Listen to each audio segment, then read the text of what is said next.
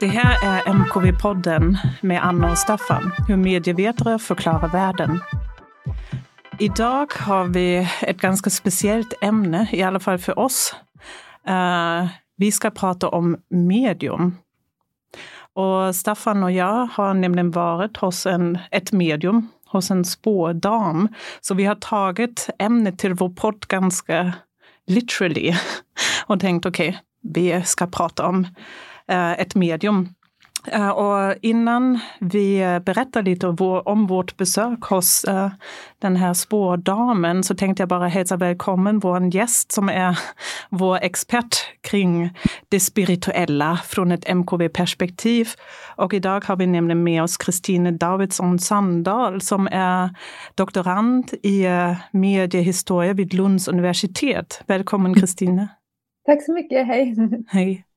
Eh, precis, och innan vi går och samtalar med dig om ditt avhandlingsämne eh, och du berättar lite om ditt projekt och dina perspektiv på spirituella rörelser från ett MKV-perspektiv så tänkte Staffan och jag berätta lite om vårt besök hos spårdamen. Eh, jag har aldrig varit hos en spårtant innan. Jag har inte knappt lagt några tarotkort. Inte jag heller. Det var verkligen första första gången. Ja, och vi kom på det här för vi tänkte att det är någon slags eh, förnyat intresse för tarot, för kaffesumpsläsningar. På, någon, på något sätt vill folk ta grepp om framtiden. Och, eh, eller kanske också nuet. Vad håller jag på med? Vad betyder det och hur kommer min framtid se ut? Eller hur Staffan? Så kom vi in på det här ämnet. Ja, eh, det, det, det heter ju så i varje fall. Vi mm. pratade i morse om, det var i helgen, en sån här stor artikel, om, den så, såg säkert du Kristin i Svenskan, om en journalist som hade gått till ett riktigt medium så att säga för att få kontakt med sina spiritistiska för eh, alltså mm. äldre släktingar och så vidare. Eh, då finns det den här bilden av, det var ju liksom premissen för artikeln, att det är en explosion av intresse i nyandlighet och spiritualism och sånt där. Samtidigt som jag tänkte att det här är lite, liksom, det är lite anekdotiska exempel. Det är Hilma af Klint och sen är det en tv-serie i kanal 5. Mm. och har det här någonsin försvunnit egentligen? Det vore intressant att fråga faktiskt, alltså, hur, hur, ser du på det? Finns det en sån här våg? Liksom? Och, och också de här gränserna, för när vi säger, vi gick ju då till en spådam, det vill säga tarotkort och, och eh, Kaffesump. Kaffesump. Eh, hör det till nyandlighet överhuvudtaget? Alltså det verkar vara ganska vaga gränser då kring den här vågen. Om, man, om den existerar. Du får gärna säga någonting om det. Ja, nej, jag tänker det som du säger också nu, också den nya filmen med Hilma af Klint och så, där, eh, där menar de ju att de har pratat med Hilma själv också när de producerade den här filmen eh, genom ett medium och sådär. Um, sen i min forskning så tittar jag ju på rörelsen kring 1900. Mm. Uh, så jag kan inte säga att jag är riktigt expert på nutida, vad som händer där. Uh, men det jag tänker liksom man ser så där generellt är ju att det ofta finns någon form av Ja, men den här tanken att vi vänder oss till något mer spirituellt när det är tider av oro eller kanske osäkerhet eller sådär. Mm. Uh, när något känns som det hamnar bortom vår, vår kontroll. Och det jag tycker är spännande då, så som med, med den tidsepoken jag ser på, är ju att där vid sekelskiftet så var det också många som hade den här känslan av att väldigt mycket hände väldigt fort och nya medier kom i, liksom, i snabbt tempo. Så också lite den här känslan av att tappa kontroll kanske mm. Um, mm. på den tiden. Uh, så mm. där ser jag väl kanske lite likheter så. Okay. Um, men vad, fick du någon slags mer säkerhet om din framtid, framtid. Staffan? ja, när vi satt där? Det här var ju ett tag sedan faktiskt. Eh, men vad jag kommer mest ihåg var på kvällen att jag kände så här vag irritation. vag irritation? Ja, eller kanske var, var den till och med stark. Alltså man gick ju dit man, eh, och det var inte över liksom vad ska vi säga, kunskapsteorin i det hon sa eller kaffesumpen utan det, det var själva samtalssituationen. Alltså att det satt en person och sa det här, så här är det, det här kommer, så här kommer det bli. Så här kommer det bli. Att i någon mening gjorde sig till Gud. Då, som, som, och man spelar ju med, men man vill ju inte bryta kontraktet om samtalet på något sätt. Och så efteråt kommer en sån här reaktion. vad, vad vet du om det här egentligen?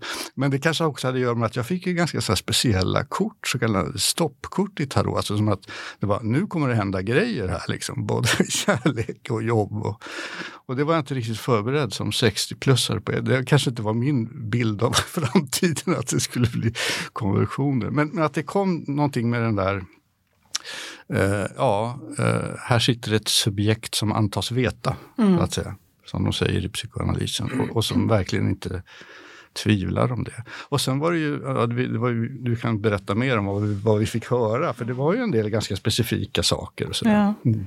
Och man kan lägga till att han inte bara var svag irriterad. Nej. Jag träffade, träffade Staffan nästa dag och han var väldigt starkt irriterad. Upprörd till och med. Och berättade för många om ja. upplevelsen. Men det är kanske också så att man inte är så van vid sådana sanningar. Så här kommer det se ut. Ja. Det är ju, man är i samtal och när man träffar till och med läkare på något ja. sätt. Det är aldrig en sån, sån, sån så här säkerhet om Nej. så här kommer din framtid se ut. Så Nej. det är kanske därför ja, det är kanske det. irritationen ja, uppstod. Jag var inte mogen för det, beredd för det. Nej, Nej. Starka, eller du hade inte heller påstånd. letat efter det. Det var Nej. ju inte så att, att vi gjorde det ju för podden. Det var ja. inte så att du letade efter sanningen. Men vi, vi fick ju höra olika saker. Vi fick ställa tre frågor i början. Och då hade de lagt upp det på det sättet att de sa, nej, du, ni kan fråga kring hälsa, kring kanske jobbet och kärlek. Och så gör man ju det. Då frågar man om de tre aspekterna på något sätt. Uh, och så ja, svarade hon på frågan och sen läste hon sump och sen fick vi tarot på slutet. Mm. Och jag fick också något som jag blev lite förvånad över egentligen. Om man tänker jag är en medelålders kvinna så sa hon till mig att mitt liv kommer bara fortsätta så här som en rak linje utan stora utslag uppåt och nedåt men bara rakt framåt. Och då känner man ju kanske när man är i medelåldern, jaha, det här är mitt liv alltså. Det kommer bara fortsätta så här mm på något sätt. Men um, så där blev jag lite förvånad. Jag, tro, jag trodde att alltså i sådana tarotläsningar och så vidare att det alltid är en viss dramaturgi också, att man bygger upp något, något problem och sen löser man upp det. Man, man hittar, man, det kommer ett kort som på något sätt löser upp den här konflikten eller problemet som hon ser först. Är det vanligt med en sån dramaturgi, Kristina, på de saker som du har tittat på? Mm. Ja, alltså jag kanske ska först berätta bara lite snabbt då om Jättebra. mitt projekt. Mm. Ehm, så jag som sagt ser då på det kring 1900, alltså ungefär 1870 till 1930. Um, och fokuserar på, på spiritismen i Sverige då. Och jag har hittat det här ena, alltså det fanns ju olika sådana små förbund, eh, eller små och lite större. Um, och det förbundet jag ser på heter Edelweissförbundet då. Um, och de gjorde ju inte riktigt det här då att de la eller så framtiden till någon, utan eh, de samlade sig ju och var relativt alltså, seriösa i sin utövning av det här. Det blev mer en religion för dem. Um, och de var då i kontakt med ja, både andar från eh, människor de hade känt som hade dött, men också sådana som de kallade för högre andar som kom till dem med sina ja, men visheter och de fick liksom missioner vad de skulle göra både på jorden och efter döden och så här. Um, så det är ju en relativt annan utgångssituation på ett mm, sätt. Mm. Men sen kan man ju absolut se en dramaturgi när man läser deras, liksom då de här, de skrev ner sina seanser i böcker ganska detaljerat.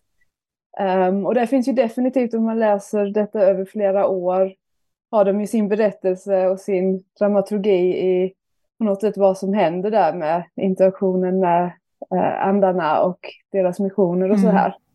Uh, så så sätt kanske man kan jämföra det. Ja.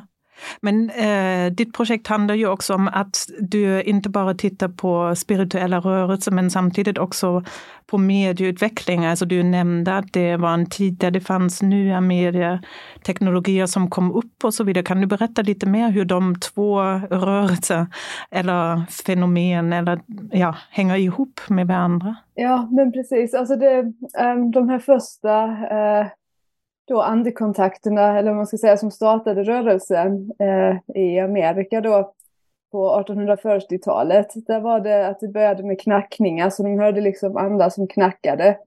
Eh, och sen blev då folk också inspirerade av såsom morskod, så att de hade seanser där de menade att borden då började knacka i morskod, så att man liksom kunde höra vad andarna sa.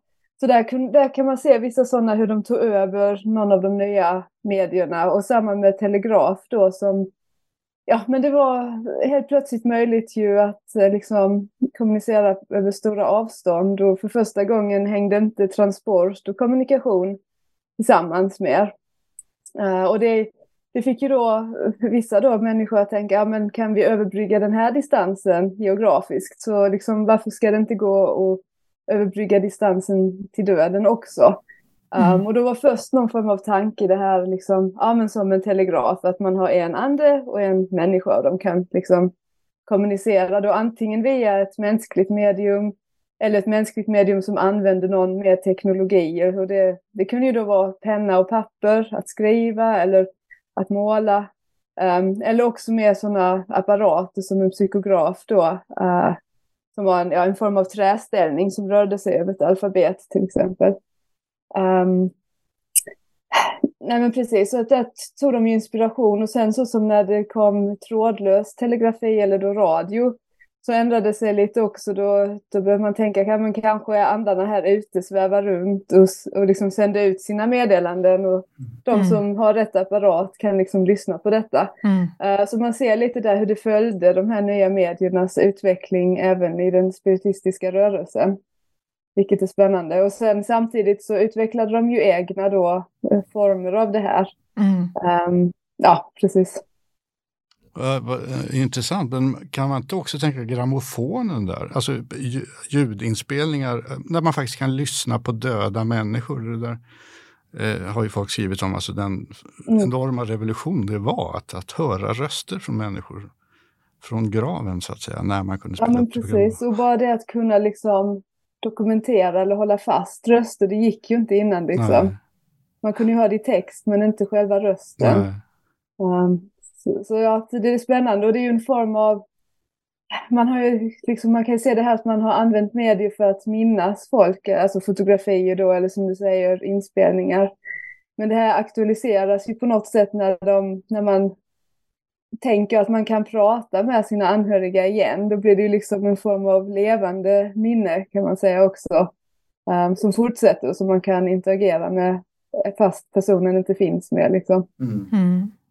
Och i ditt projekt så tittar du både på um, å ena sidan den spiritistiska rörelsen själv, men också deras mediepraktiker, eller hur? Alltså på något sätt vilka egna medier de kanske skapade Du pratade om det bordet med uh, uh, bokstäver och så vidare. Var, vilka andra medier hade hade de? Eller alltså en som jag har sett i en tidningsartikel som är lite rolig också är den de kallar andetelefonen då. Um, som, uh, I vissa fall var det mer som en, ja men det så, var en sån där låda med hörlurar och sådär så man kunde mm. liksom lyssna till anderröster. Och i, i något fall så var det någon som använde en, en fåtölj som en andetelefon, alltså satte sig i, i fåtöljen och så kunde han höra genom den. Um, så det fanns ju väldigt kreativa idéer eller uh, liksom användningar av medier får man säga. Finns det också, alltså för jag har för mig att jag läste om de här amerikanska föregångarna, där fanns det också en slags koppling, i varje fall med tiden, till alltså masskultur på det sättet att det här kunde liksom visas upp på, på, alltså som en attraktion på, på, på marknader och sådär. Liksom att, det, eh, att det blev en tilldragelse.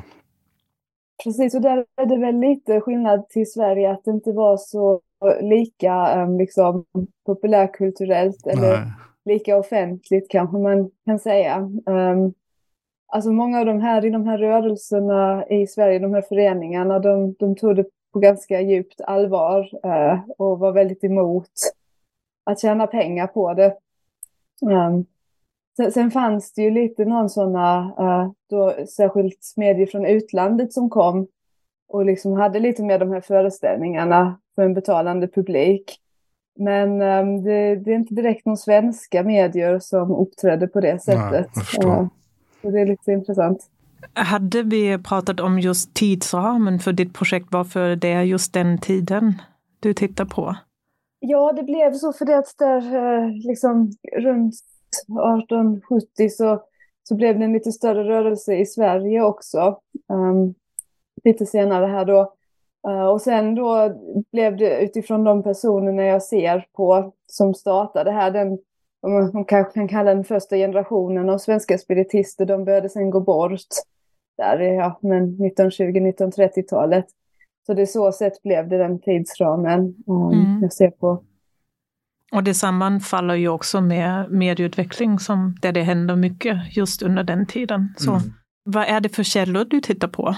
Vad är ditt material? Ja men precis, så det är lite två delar kan man säga. Det ena är um, både då tidningsartiklar uh, som jag har tittat på i, i pressen och sen fanns det en tidskrift över många år som hette Efteråt um, som var, handlade om spiritismen, så den har jag också sett på.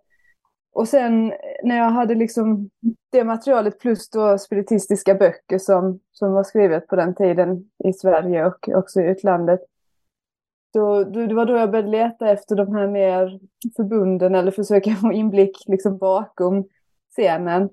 Um, och där hittade jag då det här Edelweissförbundet som har sparat också väldigt mycket av ja, men det finns, det finns brev kvar och det finns deras protokollböcker från seanserna. Um, och det var när jag hittade de, de här dokumenten då som jag mer fick inblick i också hur ja, men personerna bakom eh, var som spiritister och hur det gick till på deras seanser snarare än det som de tryckte och visade utåt kanske.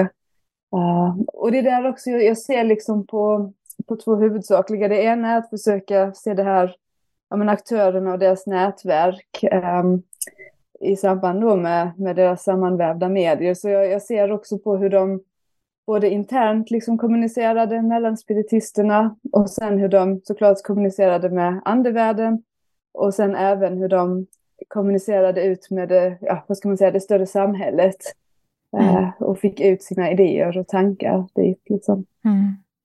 Det är spännande.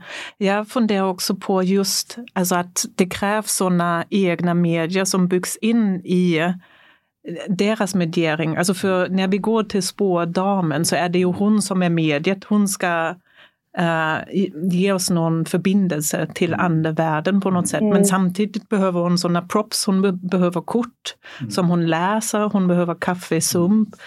Så det, det är också intressant. Mm. Alltså att det är en väldigt specifikt och intressant medieringsform mm. om vi tänker på mediering som en MKV-teori. Mm. Roger Silverstone som skriver mm. om det. Att det kanske tidigare MKV studie att det var att det är en transport av informationssignaler, det är bara från A till B, det är kommunikation. Mm. Men sen att det är inte alls så att mediering är alltid någon slags transformationsprocess också, det händer någonting med mm. meningsskapande där. Mm. Så att det är också, alltså det, det räcker inte bara med att ha en person som på något sätt har en förbindelse till Nej. den andra världen. Det behövs mm. någonting mer runt. Och, och sen kommer väl också den här liksom spänningen mellan det, just det, det nedskrivna, det arkiverade mm. och liveness egentligen som form för, för seansen. Då. För mm. Först när du berättar om det här så tänker man de borde ju, att det gick att hitta dokument från seanserna så tänker man ja det borde de ju verkligen, det borde ha suttit en stenograf där. Mm. Liksom, mm. Om de nu väl har upprättat kontakt så borde de kanske spara allting. Men det, kanske, det var kanske inte så de såg på formen då utan mer någonting som hände i stunden. Ja, fast det känns som det fanns en stor vilja ändå att bevara det också för eftervärlden mm. och liksom också kunna gå tillbaka själv.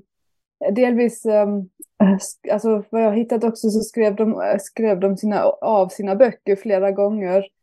Um, och det finns någon där de är liksom ordnade efter index och har en innehållsförteckning och så här. Um, så att det verkligen gick att använda på ett sätt som uppslagsbok också, gå tillbaka ja. till vad de här andarna hade sagt. Um, det fanns ju, eller jag vet ju, eller det lilla man har läst, att det finns också något systematiskt i det, alltså nästan så här empiristiskt vetenskapligt att, att just belägga saker och systematisera saker. Som man tänker på de här fotografierna, att man ska liksom få en bild av mm. auran. Mm.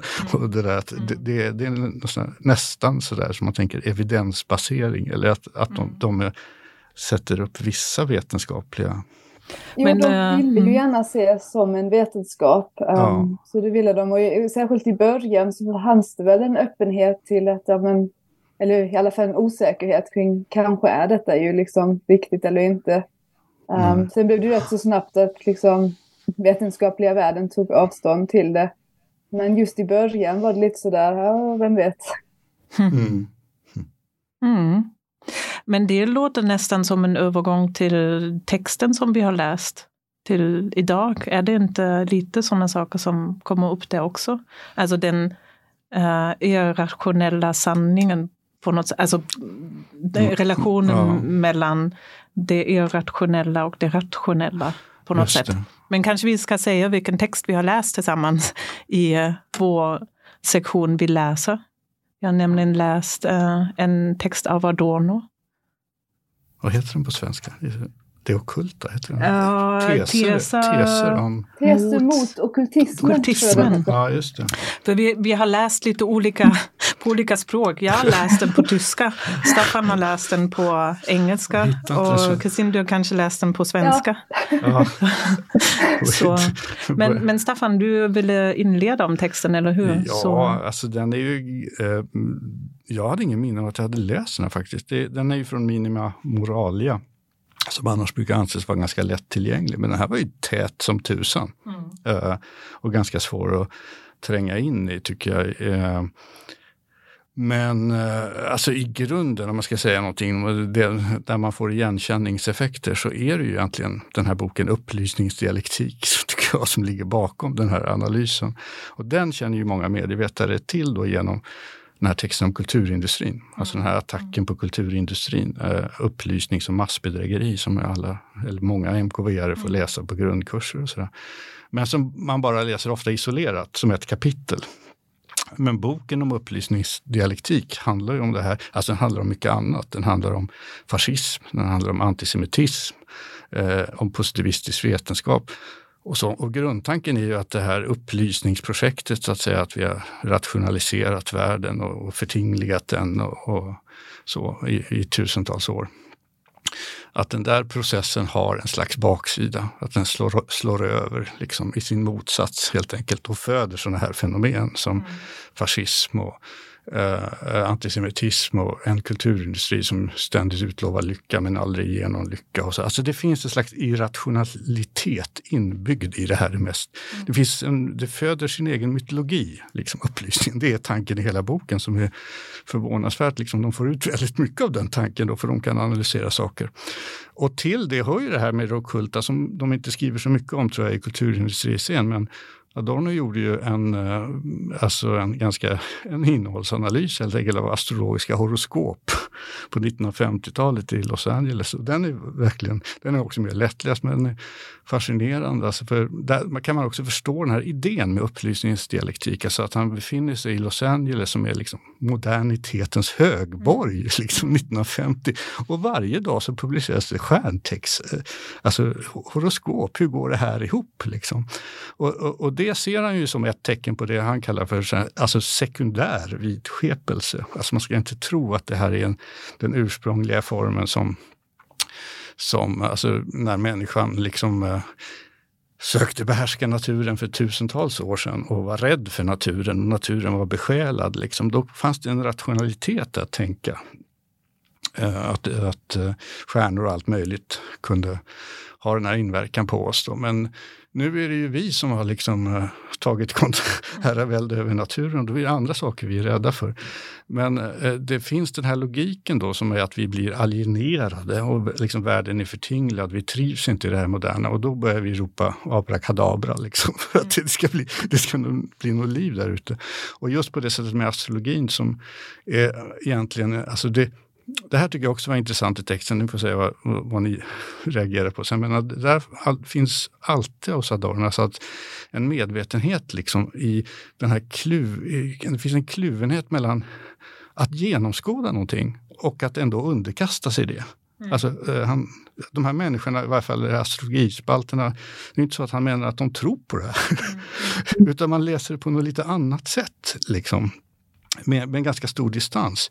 Mm. Men det är ett problem idag, som du börjar tala om Kristin, alltså det här med kontrollen som han upplevde också på 50-talet.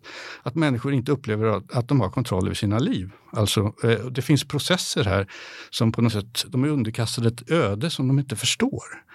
Eh, och då blir det väldigt tacksamt på ett sätt att, att titta liksom så långt bort man bara kan. Mm. Upp, upp i stjärnorna.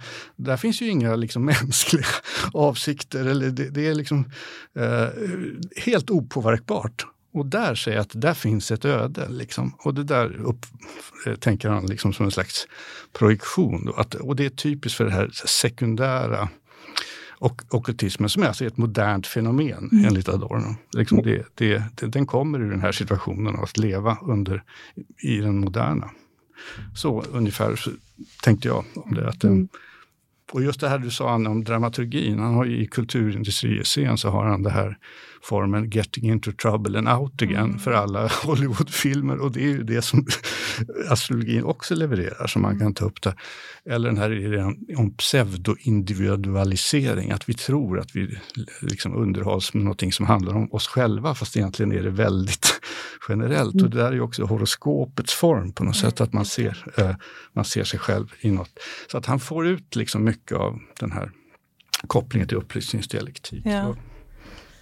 Kristin, hur var din läsning? Vad är det? Ja, men jag, jag, tänker, eller jag tycker det är intressant det här liksom hur um, det moderna också alltid ses som så väldigt rationellt och att vi kanske har en tendens att glömma bort att det ju alltid finns den här på något sätt andra sidan också. Att uh, hur rationellt det än kanske är överlag i samhället så finns det ju alltid kvar den här på något sätt ja, men både spiritismen eller spiritualismen och också frågan men vad händer när vi dör? Och vad, alltså de här grejerna. Och just i den tiden jag ser så håller det också på att sekulariseras i Sverige. Men de flesta av då mina i alla fall aktörer är fortfarande väldigt förankrade i det här äldre lutheranska kristendomen. Um, och de, de, så de, är liksom, de tror fortfarande på Gud och de tänker ur ett kristet perspektiv. Men de håller inte med om det kyrkan säger riktigt, så man kan väl säga att de är med i de här liberala religiösa rörelserna. Um, så det är också intressant hur de där kanske försöker ta, ta på något sätt tag i att det ändrar sig och liksom vad är då min personliga tro och hur kan jag på något sätt anpassa den till en modernare tid, kanske då så som här genom att göra det lite mer vetenskapligt och spiritismen blir en form av vetenskap men ändå har den kvar de här elementen och så. Så att det, det är väldigt spännande också att se på just eh, tidskontexten ju i samband med de här grejerna som händer. Mm. mm. Precis, det finns ju något citat som man har i början eh, från någon eh, forskningsrapport eh, kring alltså folk som tror på det övernaturliga eller mm och någon som svarade, jag tror inte på Gud, därför tror jag på astrologi. Eller någon, mm. någonting sånt, att det fyller mm. någon slags tomrum. Mm. Men sen var det också en aspekt som jag fastnade lite för var just att det som man får sen svar på, när man till exempel går till en spårdam, mm. att det är ganska banala grejer. att, att, eller att i en seans att man då ja. pratar med sin döda mormor. Ja. Och att det inte är större frågor Nej. egentligen och att Nej. det handlar också om att upprätthålla status quo, att just det som du sa, att underkasta sig ja. Eh, det existerande systemet. Det skulle ju också kunna vara så att man har en spirituell rörelse som försöker skapa ett nytt samhälle, ett annat sätt att leva ihop eller någonting sånt. Precis, och där reagerade jag just på det här du säger, det som de, han skrev att medierna var in, eller är inskränkta och innehållet trivialt. För det där, ser jag ju då i den eh, förbundet jag tittar på att de upplevde det ju inte så. Och det var ju inte mm. då en liten hej hej här är din döda mormor utan mm. de fick ju instruktioner till vad de byggde som sin nya religion och instruktioner mm. på en mm. massa grejer liksom. Uh, så det mm. tyckte jag var ett, det var en stor skillnad till det jag ser på det som beskrevs här i texten. Ja, mm. vi kastar ju också ihop ganska många olika... Ja, det blir så att det, det, är väldigt brett fält men vi fnissar ju åt det där när vi gick från sporttant. Vi fick båda höra att vi ska äta mer D-vitamin och så. Här. Det är väldigt viktigt. Och jag, jag skulle åka, bjuda min fru på spa, det kostar bara 2000 kronor. Så, sånt där liksom. är, är det det som är Precis. Eh, utfallet? Att, och jag skulle köpa en amartist ja, som skyddar mig mot strålning när ja, jag sitter framför ja. datorn. Mm.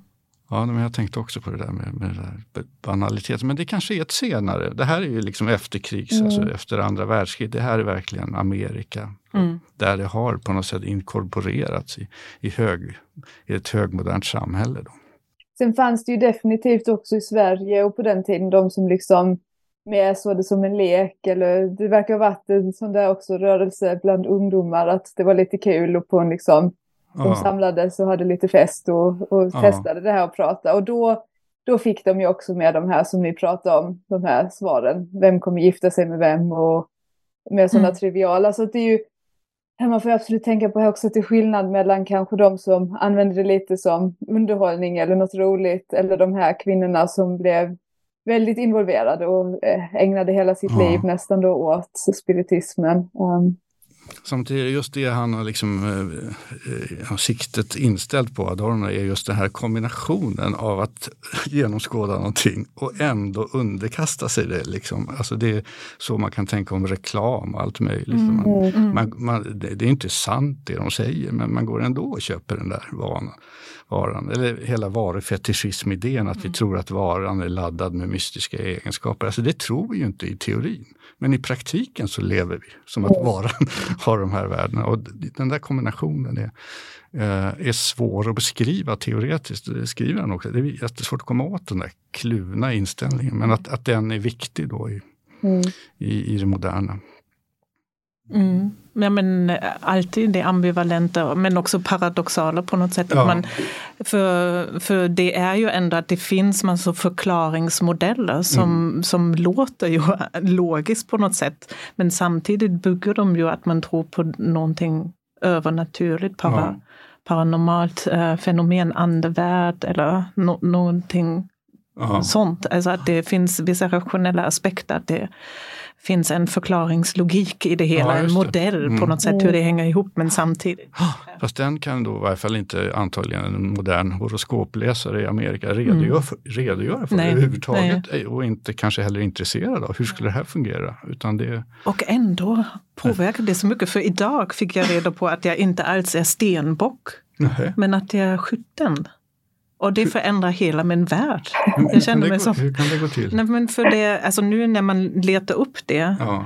eh, sig själv till exempel på Ratsit, en sån databas mm. med, där man kan kolla var någon mm. bor, mm. men också vad man tjänar i lön. Mm. Och så står det där, är stenbock, men ej i verkligheten. Och i verkligheten är jag skytten.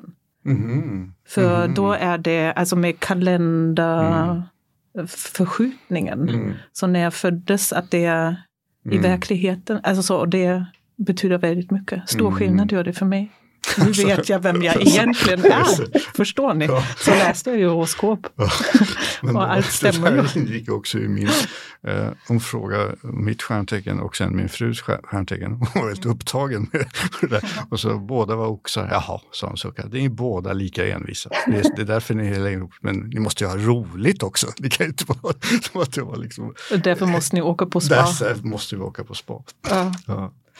Ja, precis. Men har du besökt någon spådam? Någon, någon Nej, jag har inte alls gjort något sånt. Jag har inte heller någon seans eller så, så jag har verkligen ingen egen erfarenhet av det hela. Ja.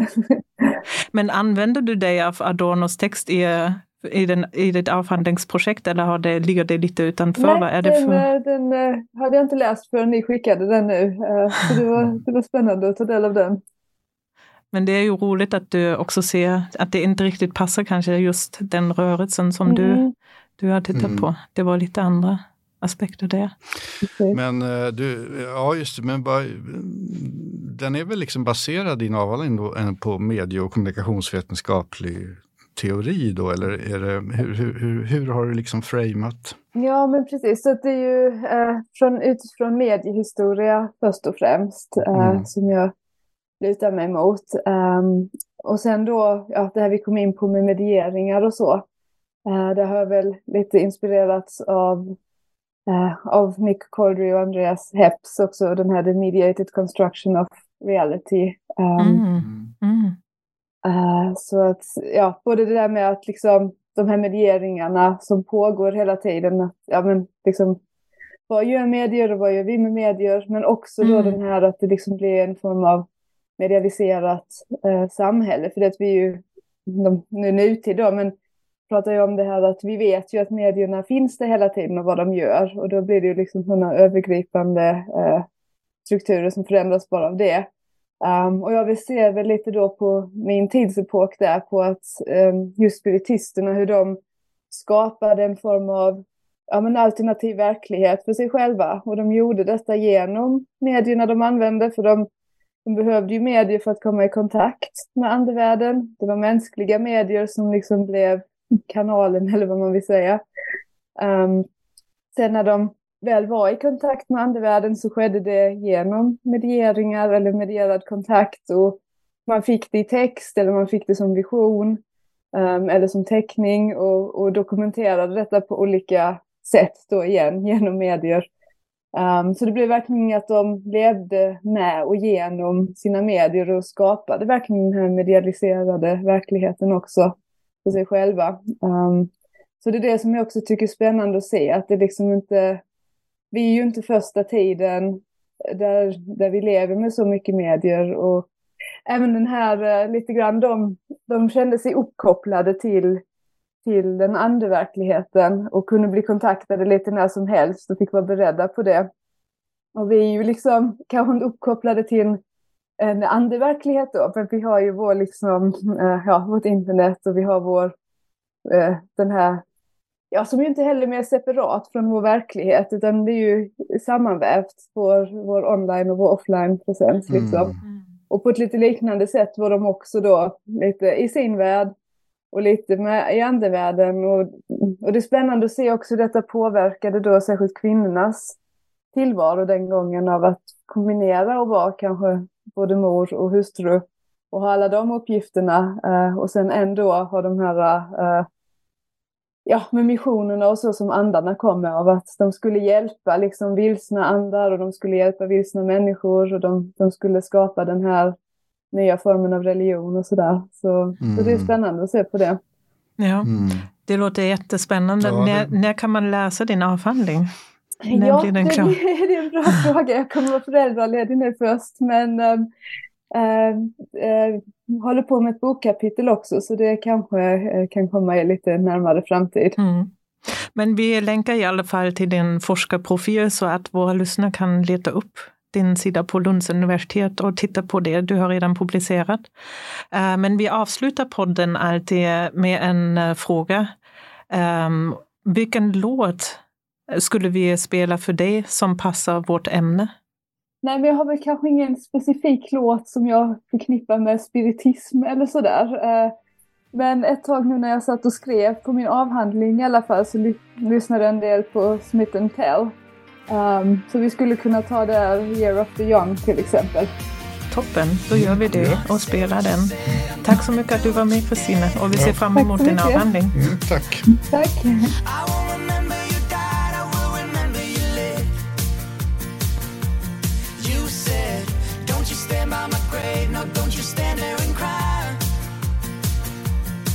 I'm the trees and the birds, I'm the soft stars that shine I'm not